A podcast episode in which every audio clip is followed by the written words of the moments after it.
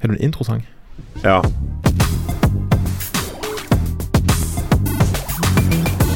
Dette er introsangen til Braksnakk. I dag får vi besøk av Alex Wilhelmsen. Han er bookingagent og direktør i Standing Ovation. Alex snakker om hvordan han kom inn i bransjen, hva man bør tenke på når man skal spille live, hvorfor man bør tenke langsiktig, og hvor lang utdanning man trenger for å lage eddik. Mitt navn er Christian Stockhaus, og jeg er deres verbale vert. Og dette her, det er Braksnakk. Alex Wilhelmsen, Hei, hei. velkommen til Braksnakk. Tusen takk. Har du lyst til å begynne å fortelle litt om eh, hvordan du endte opp med det du gjør, og det vi skal snakke om i dag, nemlig booking? Det kan jeg veldig gjerne gjøre. Du er en agent, rett og slett? Ja, Ja. det er jeg. Jobber i eh, Standing Ovation, et bookingbyrå her i Bergen. Representerer ca. 28 prosjekt nå. Artister, band, DJ-er. Eh, har vært bookingagent siden 2012. Kom opprinnelig fra en liten plass på Sør-Vestlandet som heter Egersund. Flytta til Bergen i 2008 for å bli ingeniør. Eh, gikk mye på konsert, men tenkte at eh, å jobbe i musikkbransjen var jo ikke et alternativ for meg. Kjente jo ikke til hvordan ting fungerte bak, bak eh, scenen.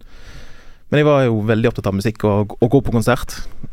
Og så etter halvannet år i Bergen så ble jeg overtalt til å bli med i studentforeningen ASF, eh, Aktive Studenters Forening, når kvarteret da hadde sin gjenåpning i 2010. Og egentlig etter første konserten jeg jobbet på, så skjønte jeg shit, det er jo det her jeg vil holde på med. Så ble jeg kjent med de som jobbet i eh, bookinggruppen, og ble med der. Og så ble jeg bookingansvarlig på slutten av året 2010.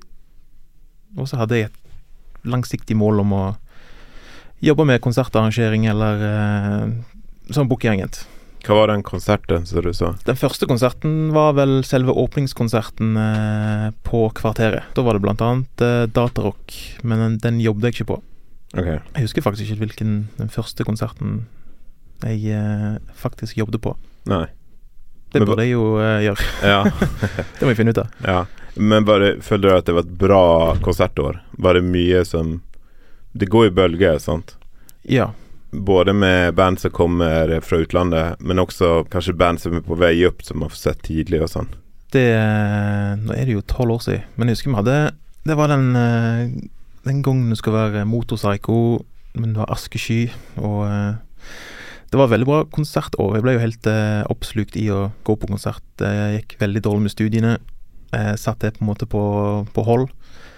Så jeg brukte fem år til slutt på en eh, bachelor i kjemi, som jeg hadde ingen planer om å bruke. Måtte bare bli eh, ferdig med det. Kommer jeg aldri til å jobbe med det, men eh, måtte bare få omgjort lånet til stipend. Så på, hvis du kommer i en sånn MacGyver-situasjon, så er det Får du bruk for den kjemiutdanningen? Sånn hvis du blir låst inn i et forråd som har liksom forskjellige eh, ting som du kan bruke til å sprenge opp døren, f.eks.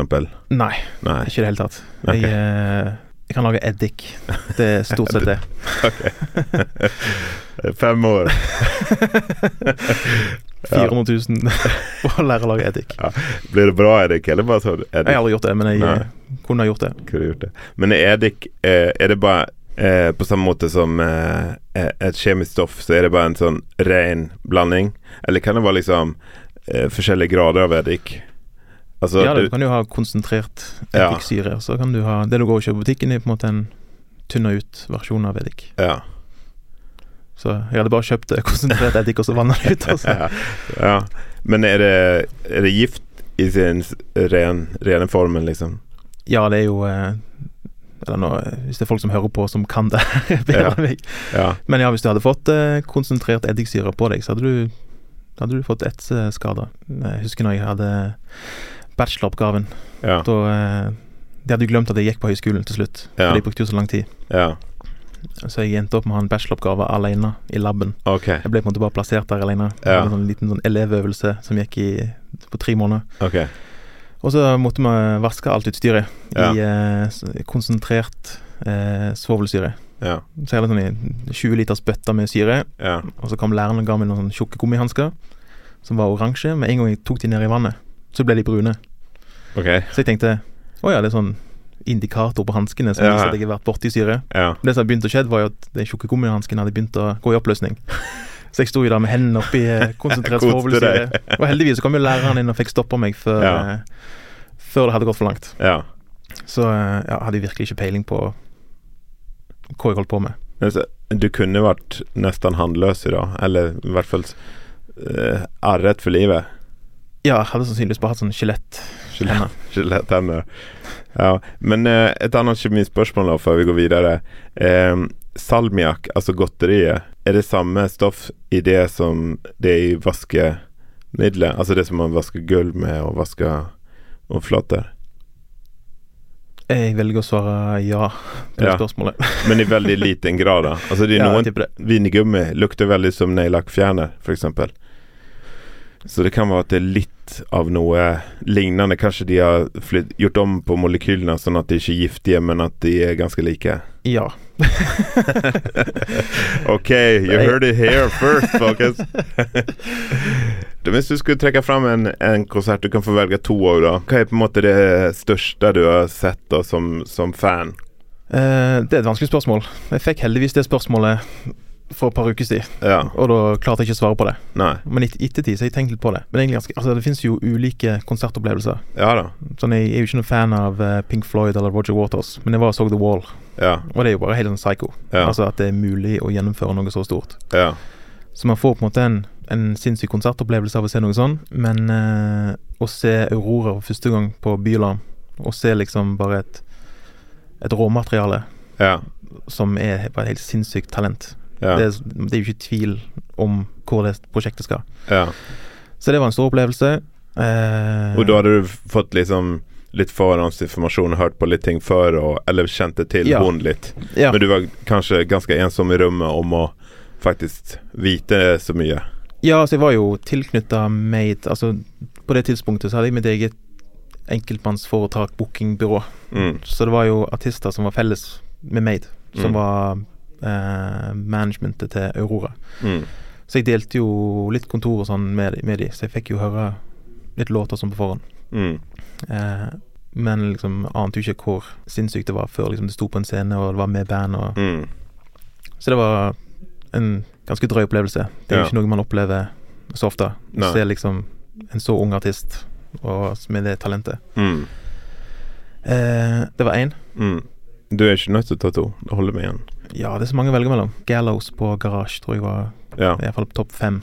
Var det rant det svett på veggene etterpå? Ja, da var jeg klissblaut. Det rant oppover svettet. Ja, altså det er ikke kødd engang. Altså Nei. jeg kom hjem og var Det var jo ikke bare svette, det var jo øl, og Ja. broren min fikk øret sitt nesten revet av i moshpiten i, i Ja. første låten. Og, ja. Så det var- verdt det, sa han. Sant?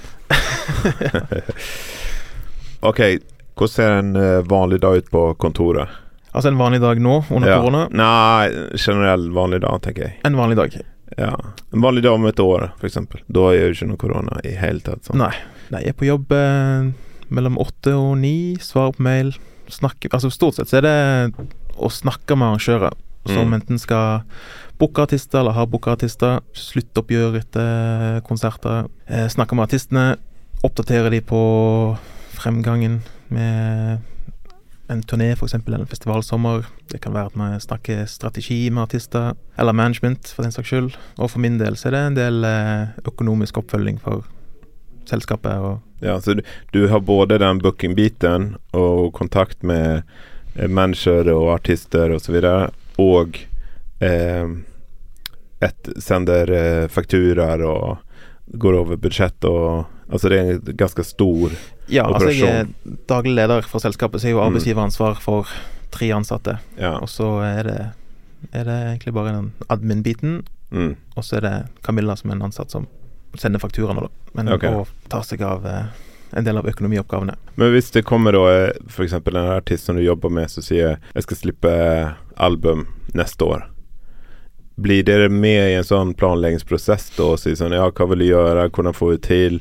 Kunne du f.eks. foreslått og sagt sånn ja, men hvis vi skal gjøre festivaler, så bør du slippe platen en måned før, videre. Ja, vi får veldig sjelden beskjed sånn Hei, kom albumet da og da? Vi har ofte en prosess der vi planlegger flere år fram i tid. Ja. Når man eh, bør Altså, det vi pleier er å sette en, altså sette målet først, Mm. fram i tid. F.eks. festivalsommer 2023, det er der Mm. man skal hente inntektene. Mm. Ok, Hva må man gjøre da for å få en god festivalsommer 2023? Mm. Når bør man slippe album? Er det en artist som kan slippe album i september og klare å være aktuell helt fram til neste sommer? Mm. Eller er det en artist som ikke nødvendigvis slipper album, men bare slipper låter? Så man har på en måte den eh, dialogen tidlig, og så blir man eh, Det kommer innvendinger om når et album bør komme, Mm. og så får man kanskje beskjed til slutt fra enten artisten eller plateselskapet eller management om Ok, det, albumet kommer april, eksempel, eller hvor tid det måtte være. Men har du kontakt med, la oss si en arrangør av en festival eksempel, og sier sånn, artisten X kommer med, med album i mai da, f.eks. Hvordan kommuniserer dere ut det til den festivalen som det eventuelt vil spille på? Det kommer litt an på om det er en eh, stor artist eller en artist i etableringsfasen. Ja. Altså en stor artist som Sigrid eller Aurora kan jo slippe album i mai. Ja. Da, er det jo, da er det jo bra for festivalene. Masse Ja. oppmerksomhet rett før. Mm. Kommer med singler i, i forkant av eh, festivalsommeren. Eh, men for en helt ny artist som slipper kanskje sitt første album, Mm. så er jo mai for seint. For da kommer jo anmeldelsene, som er de Mm. første albumanmeldelsene bandet får, kommer jo for tett på sommeren. Så for en helt ny artist kan det lønne seg å slippe album september-oktober. Ja. Og så gjør bransjefestivalen i forbindelse med det, eh, og så får de anmeldelsene. Og så på en måte klare å gjøre seg aktuell da fram til festival for sommeren, er jo utfordringen. Men Mm. da har man eh, salgsmomentene tidlig. Altså Mm. man, man har de i september, og så kan man bruke de til å booke festivaler fram til sommeren. ja, så de fleste konsertene blir satt mellom september og desember omtrent. Det kommer an på størrelsen på artisten. Det Ja. kan få mindre band inn på festivaler egentlig helt fram til mai. Ja. Plutselig er det en, et band som må avlyse, eller et Ja. eller annet. Eller så er det de sparer noen slots til å se hva det er som er aktuelt Mm. før sommeren. Og så kommer man på størrelse på festivalen. Altså Ja. Øyafestivalen som booker vet ikke 60-70 band, Mm.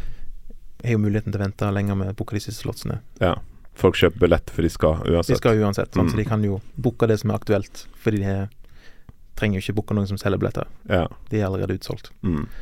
Så eh, ja, kom an på artisten og type festival. Du nevnte anmeldelser. Det føles jo litt sånn avleggs og sånn, men er det viktig fortsatt i forhold til å, å skaffe jobber? Iallfall for nye, nye prosjekt. Mm. Altså Det er bare en bekreftelse på at det er noen andre som syns dette er bra, Mm. ikke bare meg. Streamingtallet er det så lett å jukse med at eh, festivalen bryr seg ikke så mye om det. Nei. De vil gjerne se konkrete eh, salgstall fra konserter Mm. eller, eller anmeldelser. Det beste er jo å ha, vise til at dette bandet spilte på Hulen og solgte ut, og Mm.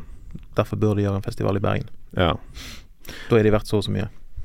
absolutt. Så hvis du skal booke dine egne konserter, så må du på en måte tenke at du må legge stein på stein. Altså, har de anmeldelsene, har de eh, andre konsertene å vise til, tall, inntjening osv. Altså, så man, man på en måte prøver å vise til at musikken er ikke bare bra, men det er på en måte noe på gang her.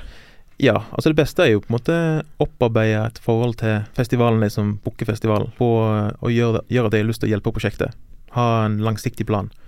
Hvis det, målet ditt er bare å gjøre en festival i Bergen, og så har du ikke planlagt hva som er steg to, så eh, frister du ikke så mye, tenker jeg, å booke det bandet, hvis de kan liksom Hvis det er et nytt band, da, og hjelpe litt på veien videre.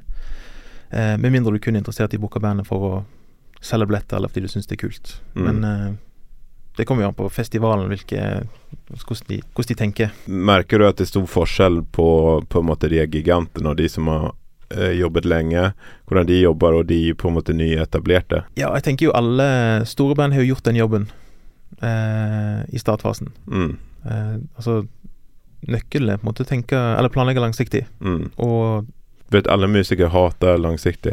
Når Ja. de sier tre år frem i tid, så har de bare lyst til å dø. Sant? Ja. ja. Og jeg forstår jo for så vidt det i mange tilfeller. Ja. Altså eh, Man eh, kommer jo veldig an på sjanger og Altså Mange lager musikk som er veldig aktuell, Mm. eh, som må ut nå. For Ja. det enten om det er politisk eller eh, eh, er innenfor det som er populært. ja. Mens, eh, men altså det er jo greit nok det, men man må, må jo ha en langsiktig plan. Mm. Og så må man bygge stein på stein for å nå det målet lenger framme. Mm. Man får jo Altså, det kommer jo ofte ting fra sidelinja som eh, Som eh, artister har lyst til å gjøre, eller eh, Eller Altså festivaler som lyst til å booke artister, men man må jo hele tiden tenke at vil det bidra til at man når det målet senere. Mm. Fordi Hvis man gjør en festival i august, så kan man kanskje ikke gjøre den klubbjobben i september når man slipper album, f.eks. Og heller eh, tenke at man kan gjøre den festivalen sommeren 2023 istedenfor, kanskje. Ja. Fordi det kommer Altså, man må ikke brenne av alt kruttet med en gang heller. Nei. Altså, det virker jo som det er størst fokus på å få festivaljobber for de fleste artistene. At det er der de på en måte satser, da. Og da kan du være mindre òg, og få et større publikum enn hvis du har egne konserter. Ja, altså iallfall nå så er det jo vanskelig å gjøre egne konserter. Som Ja. eh, selge mye billetter. Iallfall uten liksom, stimulering og, Ja. og, eh, og sånn. Men uh, Det har vi hørt på nyhetene. Ja. Mm. Festivalen er jo eh, der man eh, ofte tjener pengene. Mm. Men vi er jo opptatt av at når artister slipper musikk, at man gjør en turné. Mm. Og man gjør storbyene og studentstedene, og, og der man ser at det kanskje er et publikum. Mm. Eh, og så søker man støtte, og så får man det til å gå rundt. Mm. Og så bruker man det da for å få festivaler. At man kan vise. Synergieffekt. Det er jo det det går. Ja. Og det er jo egentlig med alt. Altså at du må tenke Hvorfor gjør du A? Eh, og hvordan kan du komme til B gjennom å gjøre A? Videre. Altså det kunstnerlige er én ting, men strategi er vel så viktig. Og synergieffekt av Hvis du har spilt fem konserter, og det har gått bra, så har du på en måte en verdi som kan brukes til f.eks. booke noe større, eller en festival, eller anmeldelse, eller hva som helst. Ja, man skal jo bygge publikum. Ja. Og for mange band så er den beste måten å bygge publikum på, det er å spille live. Mm. At man eh, reiser rundt og gjør strategisk lure valg når det Mm. kommer til turnering. Og så gjerne gjør plasser der det finnes en festival. Mm. Og det gjør det jo som regel de fleste plassene Ja, eh, i landet. Ja. Så eh, at man kan liksom vise til salgstall og, og sånn, er jo et veldig bra salgsmoment. Du- Du snakker om streamingtall og sånn. Tror du artister har blitt litt desillusjonert i forhold til de tallene som de sitter på, og hva de faktisk betyr? Ja, altså Man bruker jo fortsatt de tallene. Altså, har en artist 150 000 månedlige lyttere, så eh, ser jo det bra ut. Men eh, folk som ikke jobber med artistene og har innsikt i tallene, ser jo bare de fem mest populære byene. Mm. Eh, og for veldig mange så er det de samme byene. Det er Mm. Mexico City og det er Oslo og, Mm. London, hvis man har i hvert fall et litt eh, internasjonalt publikum. Mm. Eh, Det er der folk har streaming farms. Sant? ja. Men, men eh, altså å ta køyre, eller liksom fallet da fra å ha 150 000 eh, monthly listeners til å selge 42 billetter, er jo ekstremt. ja. Det er Altså- sikkert realistisk for en hel del. Nei, det kommer an på hvem, hvem lytteren er. Er det Ja. et uh, Altså Hvis det er et band som Altså et rockeband, eksempel. Ja. Der går jo publikum ofte på konsert. Ja, så det er sjanger, litt sjangeravhengig.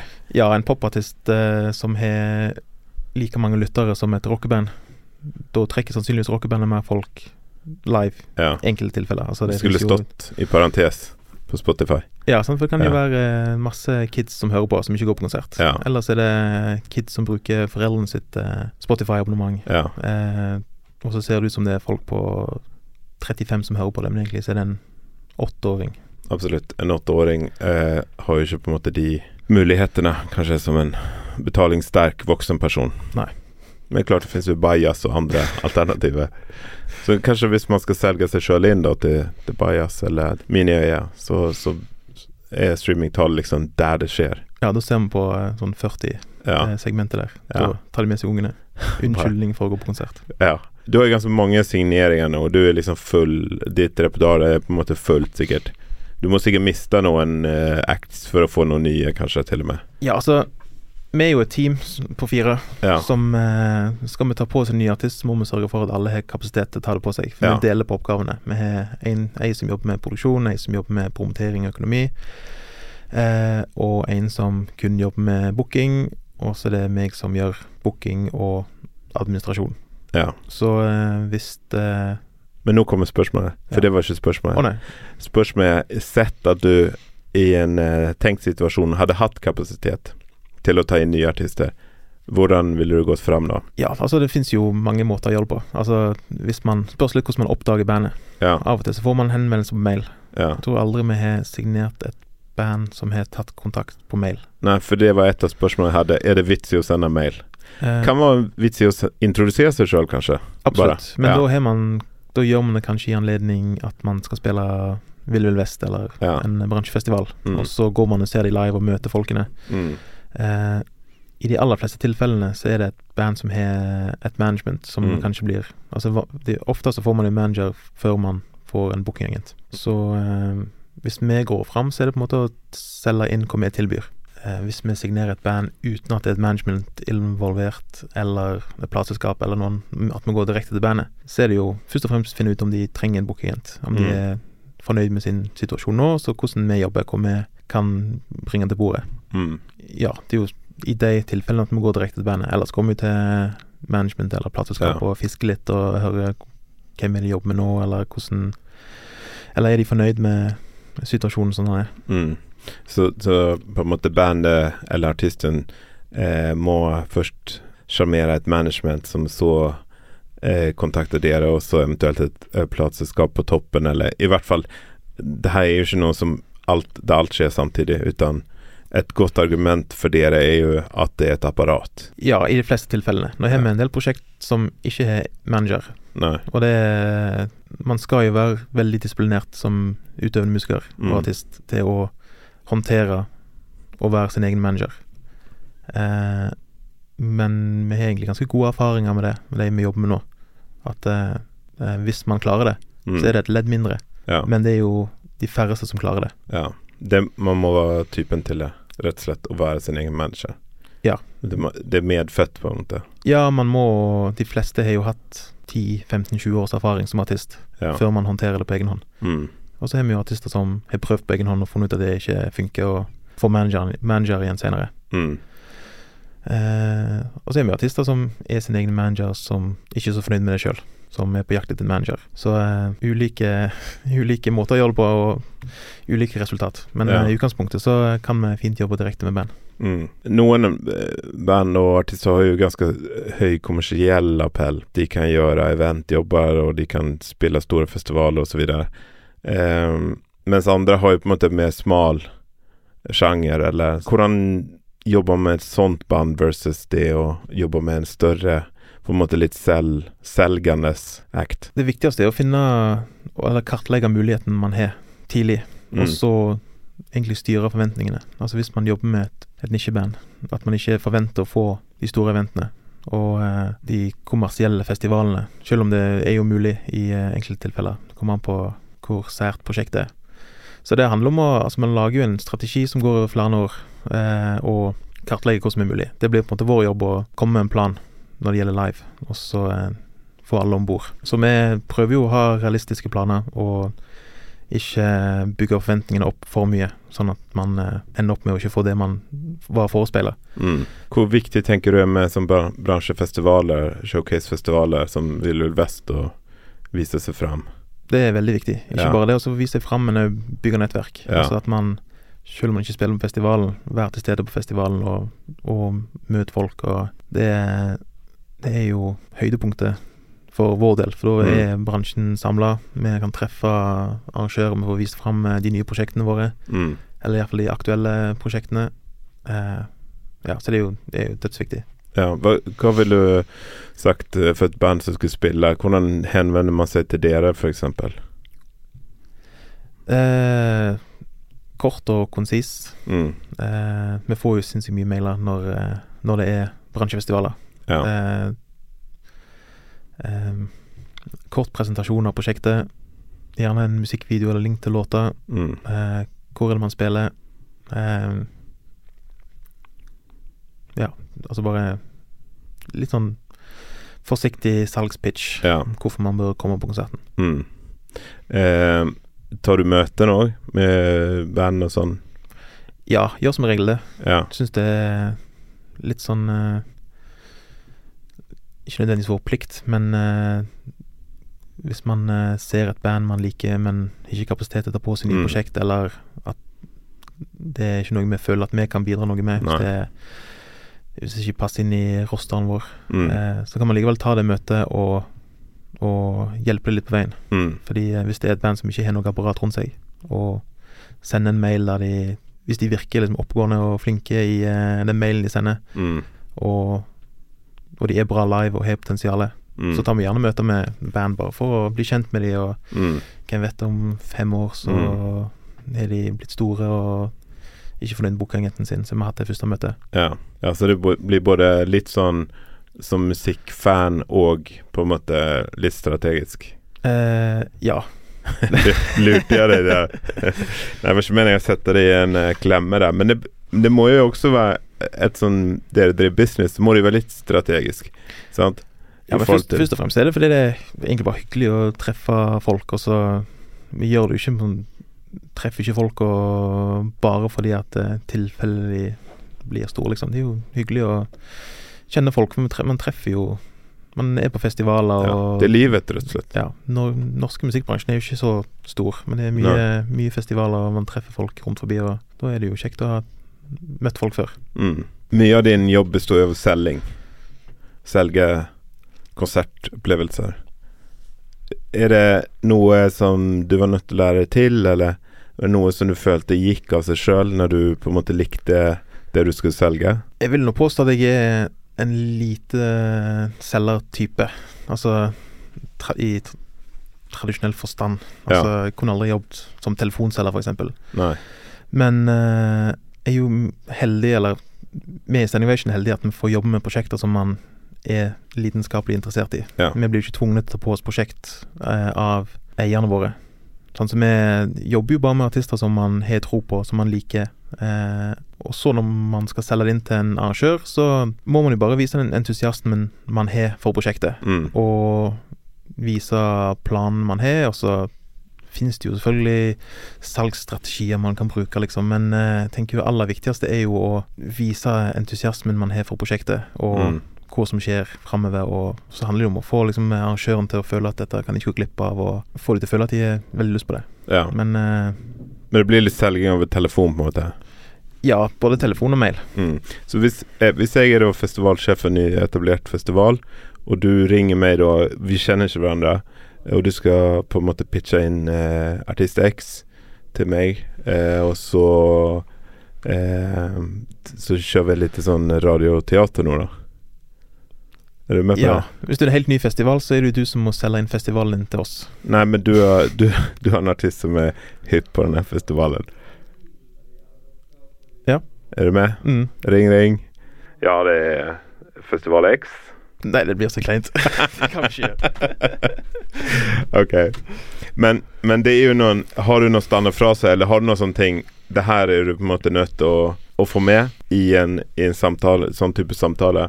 Ja, så det er jo viktig å få fram eh, planene for artisten. Mm. Og så er det jo hvorfor man har lyst til å spille, spille sted. Gjerne legge fram litt statistikk over hva de har gjort, hva de har gjort før Mm. i den, den byen, eller hvis de gjorde en mindre venue i La oss si Stavanger, og så ringer man en eh, større venue. Og legger Mm. fram eh, tallene og eh, periode og, Mm. og, og sånn. Og så kan man liksom begynne å så sånn, Ja, nei, jeg vet ikke om jeg får det til. Det er liksom Mm. veldig travelt akkurat da. Få det litt på kroken, og så Mm. ta det litt tilbake igjen, og så Men eh, jeg liker jo å være en, en ærlig person. Altså Mm. sette arrangører opp mot hverandre syns jeg ikke er så kult. For det er alltid en person som, eller en arrangør som blir skuffa. Mm. Eh, derfor tenker jeg at vi ofte lager en strategi Mm. med liksom eh, drømmescenario og et realistisk scenario, og så går Mm. man etter den arrangøren man vil ha først, og så tar man ikke kontakt med de andre arrangørene. Eh, med mindre det blir aktuelt. Man tar ikke kontakt med en annen arrangør for å få et bud for å pushe opp et annet bud. Det, man skal jo jobbe med de samme arrangørene i ja, neste 40 årene Ja. til jeg pensjonerer meg, så Etter hvert som du blir etablert i bransjen og folk kjenner til deg, så har du på en måte en, et rykte som eh, går foran deg. Sant? Og da er det sånn Ok, her er det ryddig, leverer, god musikksmak osv. Og, så og de tingene må du på en måte eh, holde fast ved, da. Ja. Det er jo på en måte Vi skal jo være ryddige og pålitelige og levere, levere kvalitet. Ja. Både på scenen og, og bak scenen og i forkant og etter konserten. Det Mm. er jo vel så viktig som å få inn mest mulig penger fra en arrangør. Ja. Det handler om at vi skal være en samarbeidspartner. Det er jo det vi er. Altså, vi Ja. er ikke bare noen som leverer et produkt, og så er det noen som kjøper det, så Det er det. Nei. Vi skal jo gjøre konserten best mulig for artisten og arrangøren. Ja. Men, men og dere får vel også henvendelser der eh, noen bare skal ha en artist, altså for, eksempel om det er en event, eller om det er en, en eller annen sånn greie Vi vil ha noen til å spille her hos oss på eh, julebord eller hva som helst. Og da er det jo på en måte den eh, relasjonen som de eventuelt har med dere agenter, som på en måte går først. Ja, men altså, vi vil jo eh, Når en eh, et eventbyrå eller en eh, arrangør trenger en artist, så vil, vil jo vi være de de tenker på først. Mm. Eh, både fordi vi er ryddige og pålitelige, og at vi har artister som er kvalitet. Ja. Hva tenker du som band eller artist? Eh, hvordan kan man stikke seg ut, både om det gjelder å liksom presentere seg sjøl, men også i forhold til livespilling? Hva er det som imponerer deg når du går på Vill Vill Vest, f.eks.? Eh, artister og band som tar det seriøst. Eh, man får jo ofte bare den muligheten kanskje bare én gang hvert tredje eller fjerde år. Mm. Så artister som misbruker den sjansen, det er ikke så aktuelt å jobbe med. Altså mindre de er veldig unge og ikke har apparat rundt seg, eller er veldig uerfarne. Da Mm. kan man på en måte unnskylde det, hvis de er veldig, veldig bra likevel. Men man bør eh, tenke nøye gjennom hvordan man Man får jo bare en halvtime, så man Mm. må jo få presentert eh, prosjektet på ganske kort tid. Mens hvis man gjør en festival eller en full konsert, så er det jo oppimot en time. Så prøver vi å komprimere konserten. At Man får jo ikke bygd opp noe særlig dynamikk i løpet av en halvtime. Men eh, hvis man står liksom og snakker mellom hver eneste låt på en bransjefestival Man bruker totalt fem minutter på å stemme gitaren i løpet av en konsert. Eh, man har tekniske problemer som kunne vært eh, unngått med en preprod, Mm. eksempel.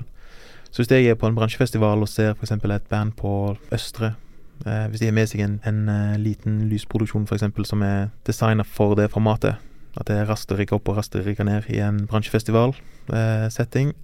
og at de tydeligvis har hatt en preprod, de har øvd, det låter bra. De går ikke på scenen og stemmer gitaren. De går på scenen Kanskje det er en introlåt. Det, det viser at de har hatt litt regi på konserten sin. Eh, Da koser du deg. da koser jeg meg. Tenker Ja. jeg, det her, Ja. det der sitter. ja, for det man huske på, er at om du er på den konserten, og det er ikke sikkert at du kommer jobbe med bandet, men du snakker med andre folk. Og det vanligste spørsmålet man stiller andre på en bransjefestival, er Har du sett noe bra i dag? Eller i kveld? Så du noe bra i går? Da sier jeg alltid nei. Men det var veldig bra eh, mobil lysrigg. Ja, bare, jeg skryter bare av lysene. ja. Vi må snakke om eh, oppvarmingsjobber. Ja. Hvordan fungerer det? Eh, jeg syns det er veldig viktig, eller en viktig del av å bygge en artist. Og eh, Hvordan gir man de, og hvordan får man de? det kommer veldig an på eh, Ofte så er det på en måte et band som er tilknyttet samme plateselskap eller samme bookingbyrå eller samme management. At man får den muligheten. Ofte kan det være artisten sjøl som har et ønske om å ha med et band. Uh, kommer litt an på størrelsen på artisten. Hvis man spiller Spektrum, så og man selger ut, så vil jo kanskje artisten eller managementet ha en artist som de skal hjelpe opp og fram. Mm. Mens hvis man spiller Hulen eksempel og solgt 100 billetter og det er to uker til konserten, så vil man kanskje få på et supportband som kan selge 50 billetter ekstra. Mm. Um, så hvordan man får de Hadde jeg vært agenten til et band som skulle gjøre en supportjobb, så hadde det jo vært fordi jeg ville at bandet skulle spille for det publikummet som så hovedartisten. Mm. Eh, så det blir jo å snakke med arrangøren eller agenten. Mm. Eh, ja. Og så bare selge det inn som man ville gjort ellers. Ja, og kanskje være ute i god tid, da. For ofte har jo toget gått når folk finner ut at det er jo det bandet skal spille. Ja, altså ofte så er det jo supportband på en hel turné. Mm. Da eh, må man jo være tidlig ute. Mm. Men eh, Men for vår del, som jobber såpass langsiktig Altså vi, vi har et band som trenger en supportjobb i Oslo, eksempel, Mm. så står det i kalenderen kanskje et år i forveien at vi skal gjøre en supportjobb i Mm. Oslo i den perioden. Og så går det ut på å finne den rette jobben. Så for band eller artist er det jo en ren investering ofte. Ja. Det blir jo som å spille på en bransjefestival. Ja. eh, man, men hvis man får spilt for 500 fans, 500 galne fans. Ja. Ja. da eh, er det jo verdt det. ja. Hvis det 10% kommer, kommer på neste konsert, så er jo det Så lønner det seg kanskje i det lange løp. Hva tenker du om fysiske plakater? Jeg vil helst uh, unngå det. Ja. syns det er en uh, uting. Men uh, det har jo en effekt. Men en mindre effekt enn det hadde for ti år siden. Ja. Men jeg er veldig glad i plakater. Altså eh, å ha noe fysisk fra en konsert. Mm. Men det er miljø... eh, hensynet du tenker på da i forhold til at du ikke liker det? Ja.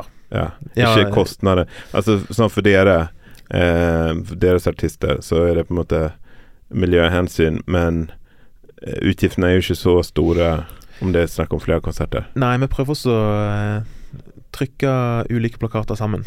Ja. Sånn at man eh, trykker det på hva er det, 100 ganger 70 Mm. ark, og så blir det kappa i to, og så får man to plakater. Så kan man Mm.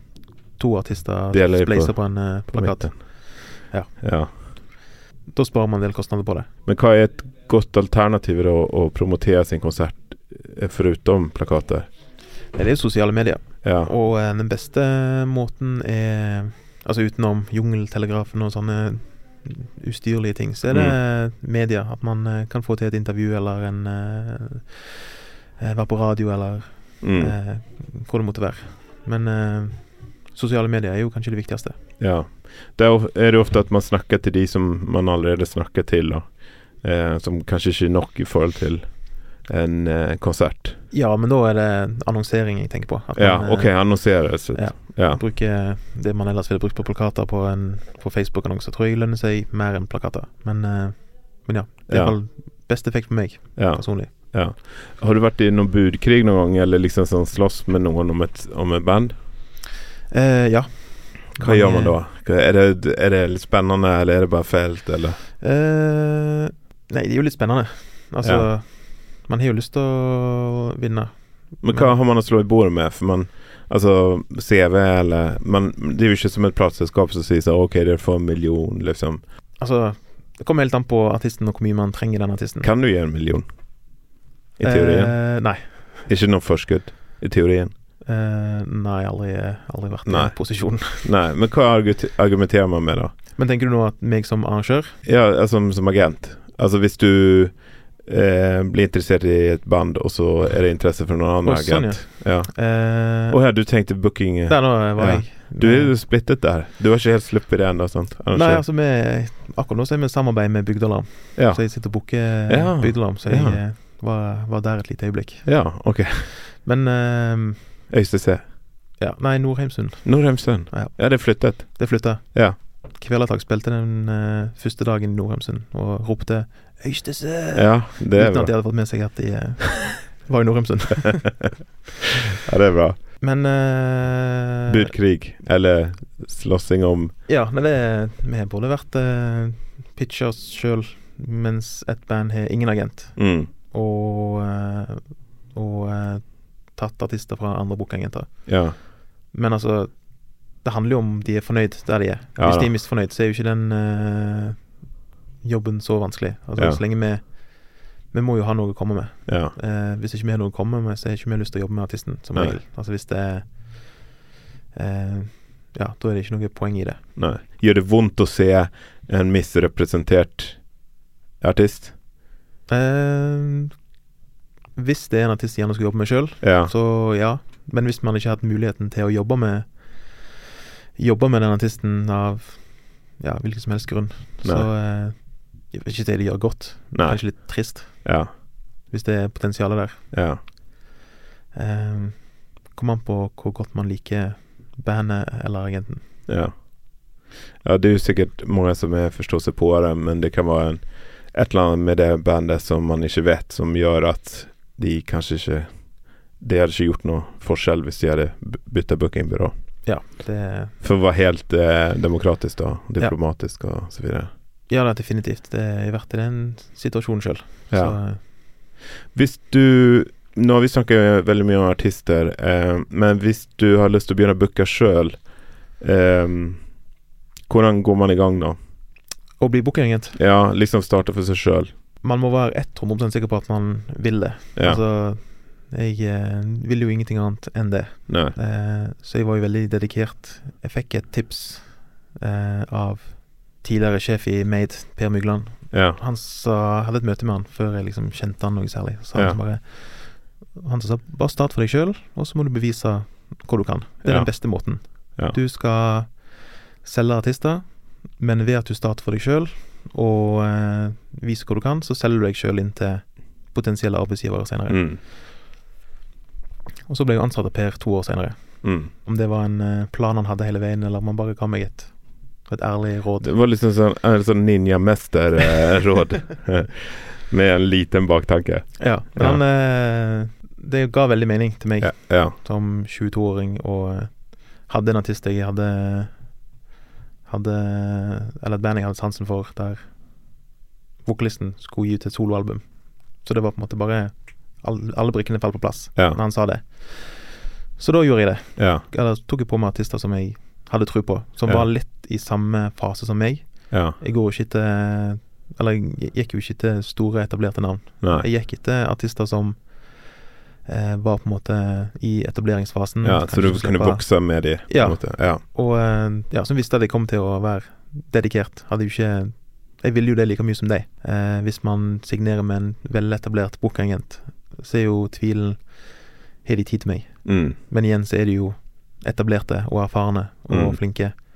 Mens med en uh, ung bookagent, så uh, Så lenge man har den dedikasjonen Ja. Man skal jo satse på å leve av musikk, Mm. både artisten og bookingagenten. Og da har har man på en måte litt samme utgangspunkt, Mm. som jeg tror kan være bra.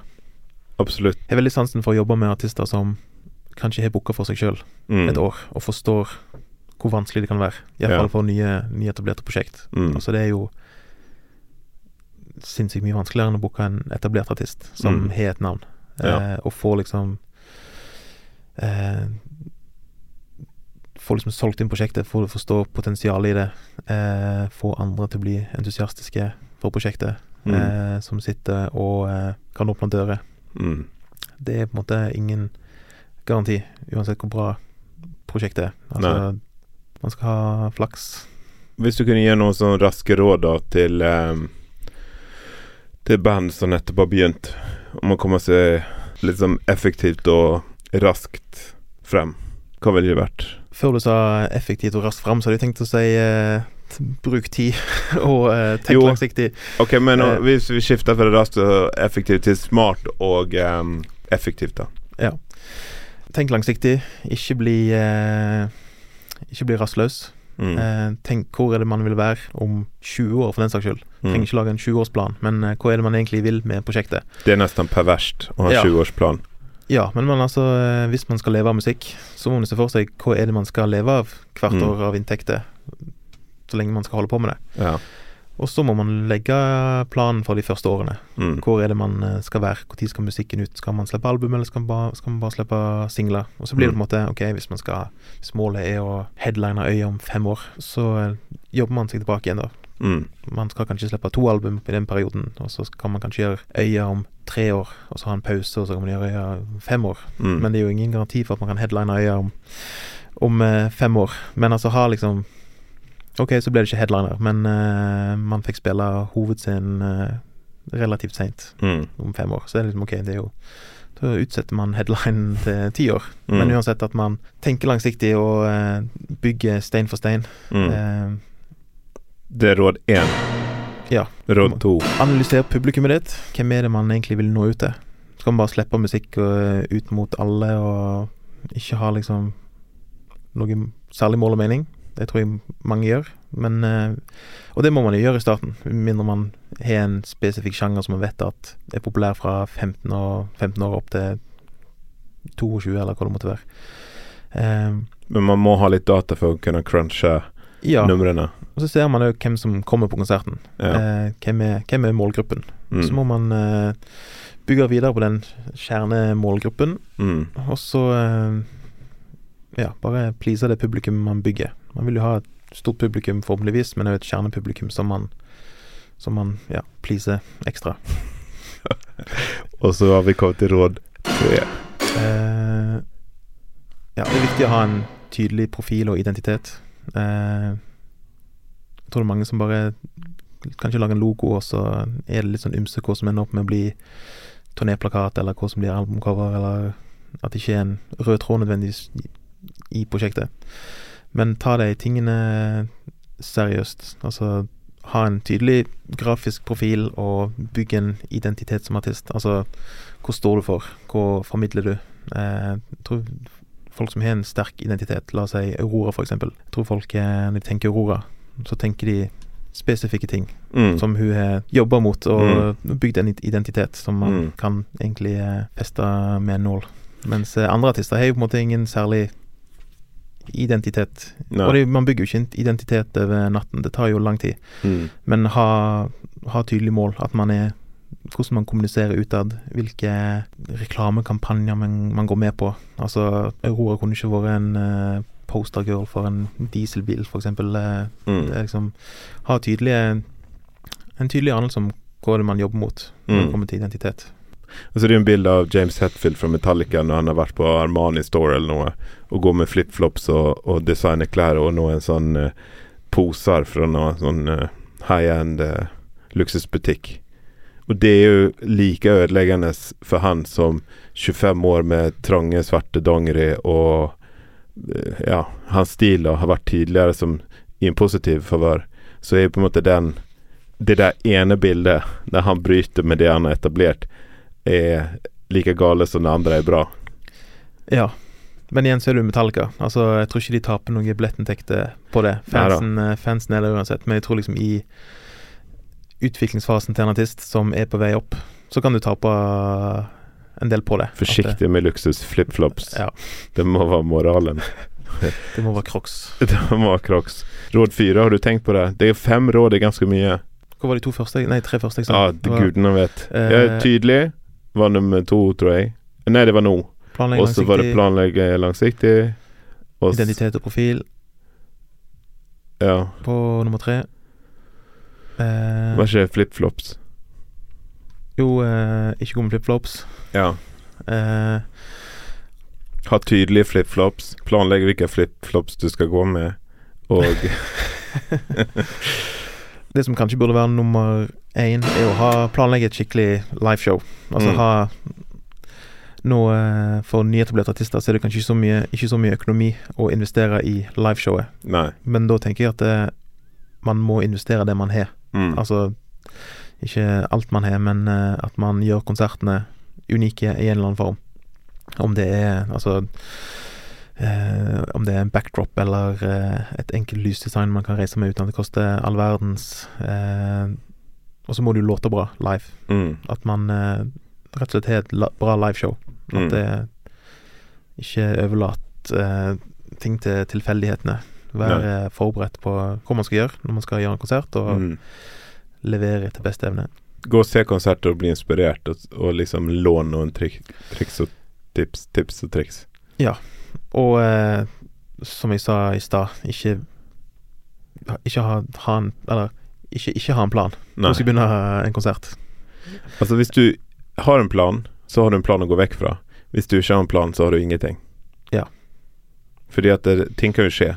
Og det er også viktig å kunne være spontan i forhold til det som skjer. Ja da, jeg tenker sånn man uh, skal ikke være helt låst. Nei. Jeg tenker begynnelsen på en konsert er Det er noe av det viktigste for meg. Hvordan man starter konserten. Det Ja. verste jeg vet, er at hvis lyset er på på scenen, og så uh, går bandet på, og så sier de 'Hulen', og så begynner de å stemme gitaren. Ja. Og så går det 20 sekunder, Ja. og så begynner de å spille. Ja. Og så etter første låten så eh, introduserer de bare låttittelen som var, altså så 'Nå kommer neste låt'. ja. spille den. Det var bla, bla. Nå kommer bla, bla. Det er som å se bloopers før man ser filmen. Eh, ja. Hva syns du om mobil i, i fremlommen, da, på konsert? Mobil i fremlommen. Mm. Den, den, nei, at noen har mobilen Å ja, på scenen? ja, frem i Eh, nei, den skal ligge backstage. Ja, den, er- den er veldig problem med. Eller når de legger den på eh, gitarforsterkeren. Altså musikk er manipulering av lyd. Eh, det du hører når noen synger, eller det du hører når noen spiller et slagverk, er jo manipulert til å høres ut på en spesiell måte. Gjennom måten det blir tatt opp på, eller effekter det går gjennom, eller Men litt av konsertopplevelsen eh, opplevelsen er også å manipulere publikum eh, gjennom å få de ut av kjedsomhet, eller eh, overraske de, eller eh, få de engasjert. Altså du må på en måte få de i din eh, hull og hånd da, på en eller annen måte. Og da gjelder det å, å ikke bare spille bra, men også ha liksom de her tingene. Om det er visuelle ting, eller om det er noe, en gøy vits, eller hva som helst som i løpet av konserten får eh, personen som ser på, til å rett og slett glemme bort hva de skal til middag dagen etterpå. Ja, jeg er helt enig. Altså, man skal jo bli underholdt. Ja. Eh, hvis man tenker på hvor man skal til middag, Ja. så er man sannsynligvis ikke underholdt, underholdt nok. Nei. Eh, Så frem til ikke en helt sinnssyk opplevelse med kulinarisk opplevelse som ventes.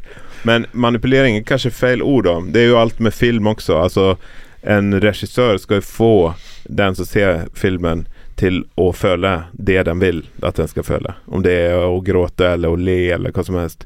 Eh, og da bruker den jo alle triks som den har, eh, til å få det på den plassen der det skjer. Ja, og det finnes jo på en måte en slags oppskrift for det, hvordan man Kommer jo an på eh, hva slags type musikk det er, så klart. Men eh, man skal jo eh, Det høres litt sånn eh, teit ut å si det, men en konsert er jo på en måte en, en reise. Mm. Der man skal bygge en dynamikk opp, og så skal man eh, eh, nå et klimaks, og så ta det ned igjen før man tar det opp igjen på slutten. En berg-og-dal-bane. Ja. Du må ha den loopen litt sånn i midten, på en måte. Eh, ja. Du kan ikke begynne med loopen, i hvert fall. Nei. Jeg vet ikke om vi ville hatt en loop, men eh, kanskje en, eh, et fritt fall. Ja. Altså, det må jo stige oppover, og så er det noen fall. Ja. Altså, loopen kan jo være alt mulig. Men eh, altså, det er jo en slags eh, rosin i pølsa, da. Ja. Den loopen. Det er kanskje første gang man, man spiller på en måte hiten, eller en hit, eller Ja, eller spiller den mest kjente låten, eller hva Ja, det, ja. måtte være. Kanskje det er rett før loopen. Men, eh, men jeg tenker man kan jo ikke starte med de roligste låtene. Man kan ikke spille annenhver. Man skal Man skal glede seg til hva som kommer Ja. som neste låt. Mm.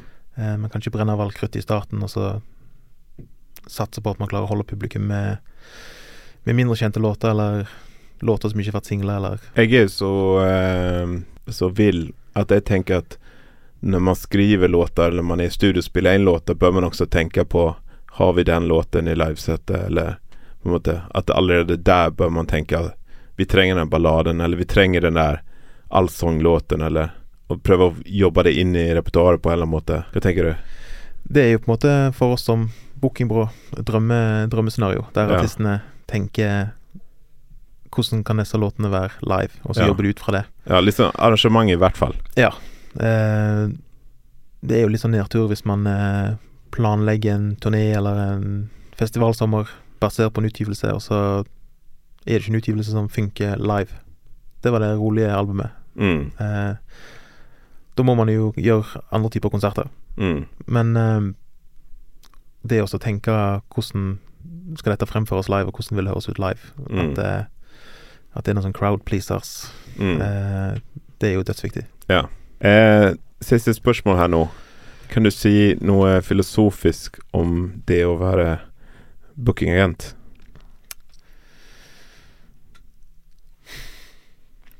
Du klipper vekk denne pausen her. Ja da, jeg klipper den vekk. Eh, hvis du er glad i musikk, glad i konsert, og er glad i å i perioder miste nattesøvnen, så bør du bli bookinget. Vakkert. Ikke siter meg på det. På, på, eh, på det hele er det bare det med å miste nattesøvnen. Eh, egentlig bare det med nattesøvnen. Ja. Men det gjelder noen flere jobber. Skal si. Det handler om Ja, ansvar. det, det er mye grubling. de- Dedikasjon. Alex Wilhelmsen, tusen takk for at du kom. Takk for at jeg fikk komme. Lykke til eh, med konserter og diverse nå som landet er åpnet opp for den slags. Jo, tusen takk. Det blir spennende. Veldig. Ha det bra. Ha det. Og det konkluderer denne episoden. Tusen takk til Alex Wilhelmsen, og takk for at du hørte på. Abonner gjerne på Braksnakk, og følg oss gjerne på Facebook og Instagram, og etter hvert TikTok. Ja, faktisk. TikTok, ja. Hvis du vil følge med på det vi driver med, så gjør du det som jeg sa. Vi er støttet av Norsk kulturråd, Vestland fylkeskommune og Bergen kommune. Mitt navn er Kristian Stockhaus. Jeg er deres verbale vert, og dette her, det er Braksnakk.